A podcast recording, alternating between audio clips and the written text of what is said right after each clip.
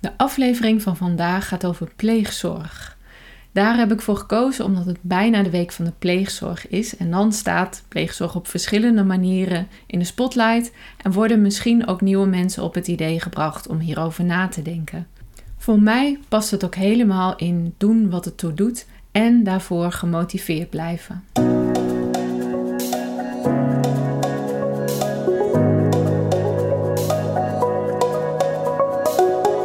Dat je luistert naar Positief Motiveren, de podcast voor zorgprofessionals die nieuwsgierig zijn hoe motiveren leuker en makkelijker kan.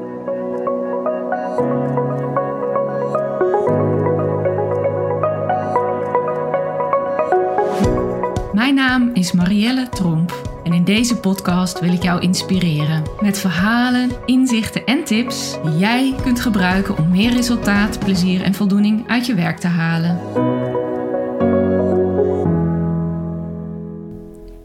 Ja, voordat ik nou helemaal in het thema pleegzorg duik, misschien ben jij wel iemand die interesse heeft in pleegzorg en ben je zo bij deze aflevering beland en denk je, wat is dit eigenlijk voor podcast? Nou, dit is een podcast voor met name mensen die werken in zorg en welzijn en die op zoek zijn naar inspiratie om zichzelf of anderen te motiveren.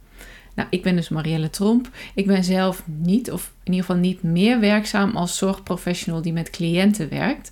Maar ik werk juist weer met de zorgprofessionals. Omdat ik dat heel leuke mensen vind. En omdat ik graag een bijdrage wil leveren aan hun werk en werkplezier. Ik leer ze motiveren en ik laat zien hoe je zelf gemotiveerd kan blijven. Dat doe ik in onder andere trainingen. Dat doe ik omdat dat is wat er voor mij toe doet. Want daar gaat dit seizoen over. Doen wat er toe doet.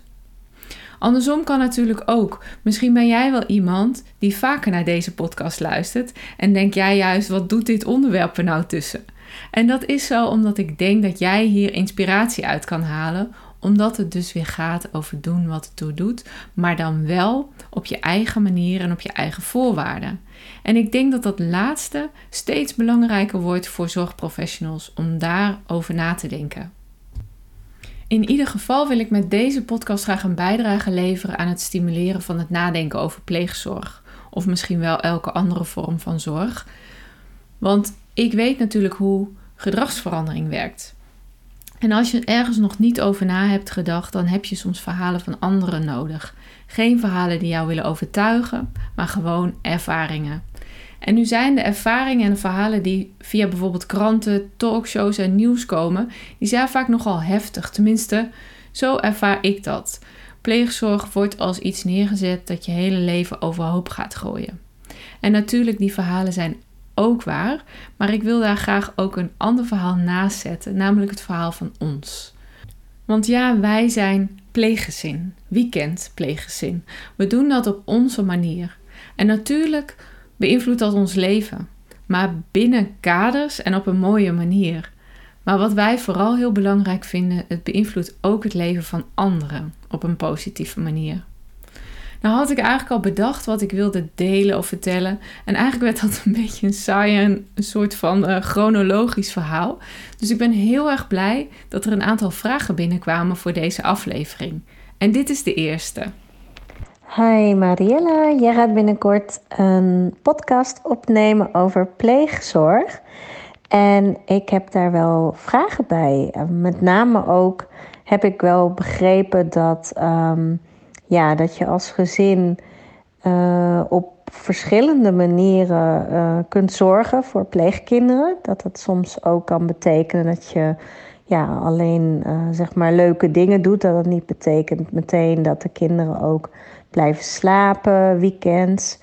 Um, dus daar zijn misschien meer mogelijkheden in dan mensen in eerste instantie denken. Dus dat het dus ja, in die zin ook minder belastend zou zijn voor als je al andere kinderen ook hebt. Dus daar was ik wel benieuwd naar. Van welke vorm hebben jullie gekozen en waarom? En wat, uh, ja, wat, wat kunnen mensen nog meer kiezen als ze toch uh, iets willen doen met pleegzorg. Nou, dus dat, uh, daar was ik wel nieuwsgierig naar. Groetjes van Maaike. Leuk, Maaike. Dank je voor je vraag. En het klopt wat je zegt. Er zijn verschillende vormen en er is echt van alles mogelijk. Zelf hebben wij bijvoorbeeld jaren geleden ons eerst aangesloten bij een logeerkring. Dat is niet uh, vanuit pleegzorg, dat is een initiatief van Mee Drenthe, tenminste in Drenthe. En eigenlijk weet ik niet eens zeker of dat nog bestaat. Maar in ieder geval, wij zagen dat als een kans om eens voorzichtig te onderzoeken of af en toe kinderen, andere kinderen bij ons in huis, of dat zou passen bij ons en bij ons gezin. En pas daarna, dus na een aantal jaar, zijn we in het pleegzorgtraject gestapt. En in dat traject, dat is eigenlijk een soort aanlooptraject of een trainingstraject, um, daar ga je eerst in voordat je beslist of je wel echt uh, het wilt gaan doen. En in dat traject hoor je alles over verschillende mogelijkheden van crisiszorg, langdurige zorg en weekendpleegzorg. Dus er is heel veel mogelijk inderdaad. Voor ons was die route van eerst de logeerkring wel een goede. Want het gaf ons ruimte om te ontdekken wat we wel en niet wilden en wat we belangrijk vonden. En daardoor hadden we bijvoorbeeld ook een duidelijke afbakening in ons hoofd qua leeftijd, maar ook in een manier van communicatie en een manier waarop wij het fijn vonden om begeleid te worden. Bij de logeerkring hadden we dat allemaal al ervaren. Bijvoorbeeld hoe belangrijk het is om in bepaalde gevallen terug te kunnen vallen op professionals. Dat was daar allemaal uh, in een logeerkring is dat wat anders geregeld dan in, bij pleegzorg. Bij pleegzorg is dat allemaal veel formeler. Maar wij konden al heel goed aangeven wat we graag wilden en wat we belangrijk vonden. Dus ja, Maaike, ook als je niet fulltime pleeggezin wilt zijn, dan is er inderdaad heel veel mogelijk. Niet alleen via nou, dus het officiële pleegzorg, maar ook via dingen als logeerinitiatieven en logeerkringen. Hi Marielle, Irene hier. Uh, ik vroeg me af, je hebt zelf een heel druk gezinsleven, neem ik aan. Uh, ook je eigen bezigheden. Wat is jouw drijfveer om deze pleegkinderen op te nemen? Wat is jouw motivatie? Dankjewel. Dat wordt inderdaad heel veel gevraagd, Irene. En ik denk dat wij een wat andere motivatie hebben dan weer andere mensen. In ieder geval wel dan veel andere mensen die we ontmoeten in aanloop naar pleegzorg, dus in het traject. Want zeker in dat trainingstraject met andere ouders voelden we ons daar wel een beetje anders in staan. Want wij hadden eigenlijk geen, uh, ja, geen droom over een derde kind in huis of een maatje voor onze kinderen of een romantisch beeld van een tafel vol kinderen. Want wij vonden het ook wel heel dubbel. Want zeker bijvoorbeeld bij crisiszorg betekent het moment dat je gebeld wordt, betekent dus dat er ergens iets echt aan de hand is. Daar waren we ons heel erg van bewust. En ik weet, ja, misschien omdat we ons dat steeds zo bewust waren, het dubbele daarvan, leek het misschien soms voor anderen weer alsof wij het niet echt wilden. Maar onze motivatie was eigenlijk gewoon anders. Wij wilden echt iets betekenen, doen wat het toe doet. En ik heb altijd al vrijwilligerswerk gedaan. Niet omdat ik het gevoel heb dat dat moet of hoort, maar omdat ik het ook leuk vind en omdat ik denk dat ik daarmee een bijdrage kan leveren. En toen we eenmaal kinderen hadden, was dat veel ingewikkelder om dat te doen, zeker de eerste jaren. En gingen we dus meer op zoek, of ging ik eigenlijk meer op zoek naar hoe we dat dan als gezin en met het gezin konden doen. En wij waren en we zijn in de omstandigheden dat we een kind een plek kunnen geven. Door letterlijk en ook figuurlijk af en toe ruimte te maken, kunnen we gewoon iets betekenen. En daarnaast, wat ook speelde, is dat mijn gezin, mijn man en mijn kinderen, zijn niet zo ja, outgoing of zo. Ze gaan niet snel zelf op avontuur. En ik vind het belangrijk dat mijn kinderen een brede blik ontwikkelen. Dat ze beseffen dat ieders leven er weer anders uit kan zien. En dat de wereld er overal ook weer heel anders uitziet. Dus ik haal heel bewust de wereld in huis. Zo dus ook met pleegzorg, maar ook op andere vlakken trouwens. En ik zeg ik, en eigenlijk is dat ook zo. En Mariska vroeg daar iets over via de mail. Mariska die vroeg: Ik ben heel erg benieuwd of en hoe dit ook effect heeft op je relatie. En Mariska schrijft uh, in hoeverre je daar open over wilt zijn. En ze schrijft ook, want het lijkt mij prachtig om te doen, maar mijn man staat hier nog wat genuanceerder in. En Mariska, ja, mijn man is een heel belangrijk element in dit verhaal. Zonder hem, hij het Niels, zouden we dit nooit gedaan hebben. De logeerkring niet en nu ook de weekendpleegzorg niet. Wat denk ik goed is om dan over ons te weten, is dat wij allebei heel erg zijn van doen wat het toe doet. De dingen doen die belangrijk zijn in het leven of in ons leven. We doen dingen aardig bewust. Niet omdat dingen uh, zo horen, maar omdat het bij ons past. Iets wat bijvoorbeeld voor ons heel gewoon is, maar niet voor iedereen, is dat Niels tot een paar jaar geleden degene was die het meeste thuis was met onze eigen kinderen. Omdat hij nou eenmaal goed is in routine en ook in structuur bieden en de blik op de korte termijn. Wat moet er vandaag gebeuren en hoppa gaan. En ik ben degene die goed is in de boel een beetje ontregelen. Zorgen dat er beweging in komt. Met de blik op de lange termijn. Waar willen we naartoe? En wat betekent dat dan voor vandaag? Wat kunnen we doen? Daarmee zijn we met z'n tweeën dus wel echt een team. Twee mensen die elkaar aanvullen. En net als in elk ander team kan dat lastig zijn. Maar als je elkaar goed begrijpt en als je zeg maar dezelfde onderliggende normen en waarden hebt en ook begrijpt en waardeert dat je anders bent, dan werkt het juist heel goed. Ik heb jouw vraag, Mariska, ook aan Niels voorgelegd. En hij zei ook direct: nee, je moet hier wel echt samen aan beginnen. Tegelijkertijd betekent dat niet dat je er hetzelfde in hoeft te staan bij de start, want dat deden wij ook echt niet. Zo dacht ik bijvoorbeeld aan weekendpleegzorg en Niels aan crisisopvang. Maar je moet wel weten wat je aan elkaar hebt en je moet er in ieder geval voor openstaan om de mogelijkheid te verkennen. Je hoeft niet vooraf al zeker te weten wat je gaat doen. En ik denk ook dat je wederzijds ruimte moet houden om uiteindelijk ja of nee te kunnen zeggen tegen pleegzorg of elke andere vorm. Dat hebben wij in ieder geval altijd gedaan. Hoi Marielle, met Simone. Ik hoorde over jouw podcast en ik had een vraag. Ik vraag me af of de frequentie van eens in de 14 dagen tot drie weken dat de kinderen bij jullie in het weekend langskomen, of je daarmee het verschil maakt voor de kinderen. Dat was hem. Doei doei. Dank je Simone. Uiteindelijk twijfelden wij in dat hele pleegzorgtraject tussen het bieden van crisisopvang of het bieden van weekendopvang. En precies jouw vraag hield ons bezig. Want met crisisopvang voelde het alsof je daar veel meer mee betekent of zo. Maar tegelijkertijd hadden wij gelukkig ook al de ervaring met de logeerkring dat je met af en toe opvang ook best veel kan betekenen. En het zal echt ook weer overal anders zijn. Elk verhaal is anders. Maar ik zal heel in het kort vertellen wat wij merken, waarbij ik het natuurlijk een beetje abstract houd, uh, omdat het ook over onze, wat wij noemen, logeerjongens gaat. Maar bij ons is het dus zo dat er sinds anderhalf jaar twee broers komen. En op die momenten hebben we dan opeens vier jongens in huis. En deze jongens komen uit een heel fijn, warm en vriendelijk gezin. Een gezin dat ook op een aantal vlakken nogal pech heeft gehad de afgelopen jaren. En daarom zochten zij een backup.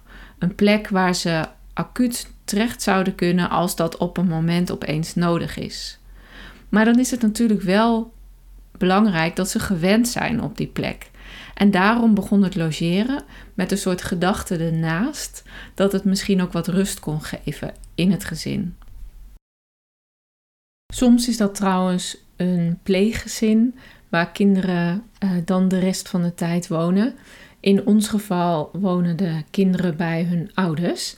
En wat wij van hun ouders horen, is dat we door dat logeren wel echt een verschil kunnen maken. Want die logeermomenten die geven heel veel lucht. Eigenlijk ook meer dan verwacht in het gezin, waardoor bepaalde andere dingen weer makkelijker lopen. En gelukkig vinden de jongens het ook leuk om bij ons te zijn. En onderling noemen we trouwens ook helemaal geen pleegzorg hoor, maar gewoon logeren. En ik besef dat wij als pleeggezin hiermee een luxe ja, ideale situatie hebben. Niet alleen omdat het allemaal ontspannen en goed verloopt, maar ook dat we feedback krijgen en ook waardering vanuit de ouders. Zij vertellen ons regelmatig wat het betekent voor hun gezin. En in pleegzorg wordt dat soort waardering niet, natuurlijk niet altijd gevoeld of gedeeld. Daar ben ik me heel erg bewust van. Tegelijkertijd zijn we van beide kanten ook heel blij met onze ja, wat dan de pleegzorgwerker heet. We hebben haar nog niet heel vaak nodig gehad, in de zin van dat er dingen zijn waar we zelf niet uitkomen. Maar het is wel heel fijn dat ze er is. Want er komen vast ook wel momenten waarop dingen lastiger zullen gaan. En dan is het goed om daar iemand bij te hebben die iedereen en die de situatie al heel goed kent. Hoi, ik ben Lasse en ik had een vraag. Hoe is het, vinden je kinderen het dat er nieuwe uh, kinderen komen? Vinden ze het moeilijk of juist gezellig dat ze met ze kunnen spelen? Doei doei! Nou, voor deze vraag heb ik Ruben er even bij gehaald. Ruben is onze jongste zoon. Hij is inmiddels 13 jaar. Maar toen wij zijn begonnen met de logeerkring was hij uh, vijf. En uh, we hebben uiteindelijk drie jaar geleden besloten om in het pleegzorgtraject te stappen. En toen was hij dus tien. En Ruben, wat vind jij ervan dat ze af en toe hier komen en bij ons komen logeren? Nou, ik vind het wel leuk. We gaan vaak dingen doen. Ik ga bijvoorbeeld met ze naar de natuurspeelplaats of we gaan buiten spelen. Nou, dus als zij er zijn, heb je eigenlijk altijd wel wat te doen of te spelen. Ja, meestal wel. Ja. En weet je nog, uh, drie jaar geleden, toen wij uh, hen nog niet kenden en toen we aan het nadenken waren of we dit zouden doen, leek je dat toen wat? Keek je daarna uit? Nou ja, eigenlijk niet. Maar jullie al uitgelegd dat er, dat er soms kinderen zijn die je plek nodig hebben. En dat is wel belangrijk eigenlijk. Ja, dus als jij er nou zelf op terugkijkt, heb je dan het gevoel dat het um, heeft dus heel anders uitgepakt dan jij het voor ogen had? Uh, ik, ik had niet echt een specifiek idee voor ogen, dus... Nee. En hebben wij destijds ook uh, veel met jullie over gehad, of jullie het wilden of niet? Uh, dat wel, maar ik kan me niet herinneren een keuze gehad hebben. Nee, dat klopt. En dat hebben we ook steeds gezegd. Hè? Dat jullie, we wilden wel jullie mening weten, maar we vonden niet dat het een keuze was die jullie gingen maken. Het is een keuze die wij hebben gemaakt. Ja. Nou, dankjewel Ruben. Graag gedaan. Nou, inderdaad, in aanvulling nog even op de bijdrage van Ruben. Dat is wel echt interessant. Want een heel veel gestelde vraag toen wij in dit traject stapten was: wat vinden jullie kinderen ervan?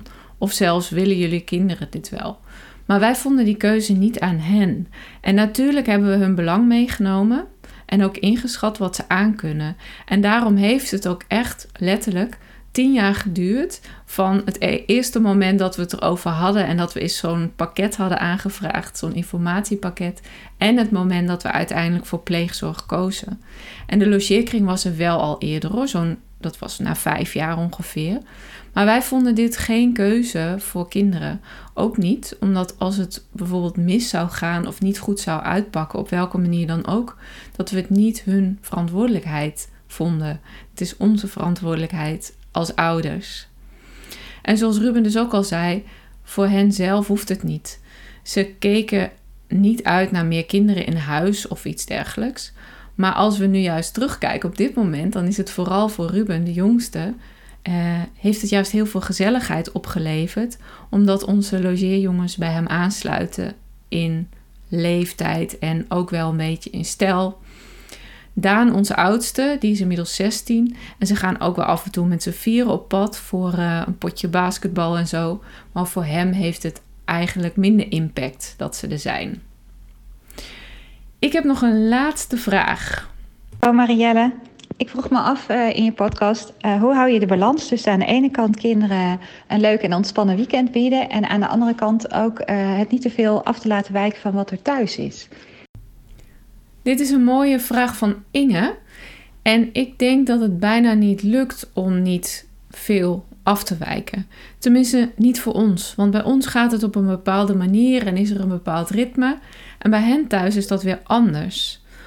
Maar wat wel heel fijn was aan het traject voordat ze bij ons kwamen, is dat we heel uitgebreid kennis hebben gemaakt met hun ouders. En dat is natuurlijk ook weer heel anders bij bijvoorbeeld crisispleegzorg, dat daar tijd voor is.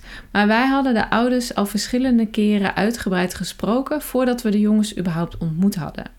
En dankzij de pleegzorgwerker werden daar ook de juiste vragen bij gesteld. Zoals bijvoorbeeld: hoe gaat dit bij jullie en hoe gaat dat dan bij jullie? Wat is het verschil? En is dat verschil belangrijk? En daardoor hadden we wel heel helder wat het belangrijkste is en wat dingen en gewoontes zijn die belangrijk dus voor hen en voor hun ouders zijn. En op welke aspecten het ook prima is als het anders is in een ander huis. En ze zijn er ook heel goed op voorbereid door hun ouders dat de dingen hier weer anders gaan. Maar je noemt ook leuke dingen doen. Wij doen ook wel af en toe leuke of zeg maar bijzondere dingen of activiteiten, maar wel altijd ook binnen ons eigen programma, in ons eigen ritme. Kijk, als er bijvoorbeeld een neefje of een nichtje van de kinderen komt logeren, dan ga je misschien iets heel bijzonders doen. Bijvoorbeeld naar de bioscoop of zo. Maar die zijn dan ook echt op bezoek. En wij willen juist dat de jongens het gevoel hebben dat ze hier ook thuis zijn. Dat we natuurlijk dingen doen, maar dat ze zich ook gewoon mogen vervelen. En we hebben er ook voor gezorgd dat de eerste keer dat ze hier waren, dat was ook maar een uurtje, dat onze eigen kinderen toen niet thuis waren. Aan de ene kant zodat ze hun, echt hun eigen plek, zelfs letterlijk, hè, kunnen vinden. Maar ook aan de andere kant om helder te maken dat ze hier geen uh, speelafspraken hebben, niet op bezoek zijn, maar gewoon hun eigen ding mogen doen. En dat dat ook is wat we van ze verwachten. Dus ja, we doen ook zeker leuke dingen hoor. Zoals eens wat bakken of naar de zwemplas of fietsen of gourmetten. Maar er is ook volop ruimte voor ze om zich gewoon te vervelen. Dus ze draaien gewoon mee in ons gezin. En na een aantal weekenden ging dat al bijna automatisch. En ja, wij doen dingen anders dan bij hen thuis. Dat is gewoon zo. En dat kunnen ze ook, zover ik inschat, prima aan. En als we het daar wel over hebben, dan benoemen wij ook altijd dat wij het anders doen. Nooit dat het bij hun thuis anders gaat. Want voor hen is natuurlijk thuis wat ze gewend zijn en wat ze fijn vinden. Nou, dat waren de vragen die ik heb gekregen. En ik herhaal het ook nog maar eens. Misschien klinkt ons verhaal je wel heel rooskleurig in de oren. Maar dat is het ook gewoon. Dat heeft deels met geluk te maken, zoals de klik met de ouders en dat het heel leuke jongens zijn.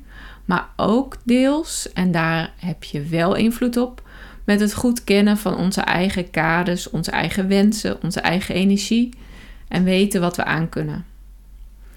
Ik hoop dat mijn en onze ervaring jouw blik op pleegzorg misschien weer heeft verbreed. En heb je toch nog vragen aan mij over pleegzorg of over een ander thema binnen positief motiveren? Spreek dan ook gerust een voice app in. Dat kan op nummer 06 3888 9559. Ik hoor heel graag van je. Tot slot nog even dit. Ik vind het bijzonder dat je luisterde en dat ik even met je mee mocht vandaag. Dank je wel.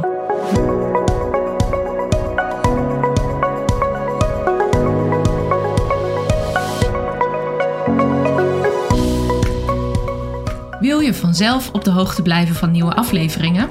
Abonneer je dan op Positief Motiveren in jouw favoriete podcast-app. Op www.positiefmotiverenpodcast.nl leg ik je uit hoe dat werkt en vind je bovendien alle afleveringen inclusief de links naar extra informatie.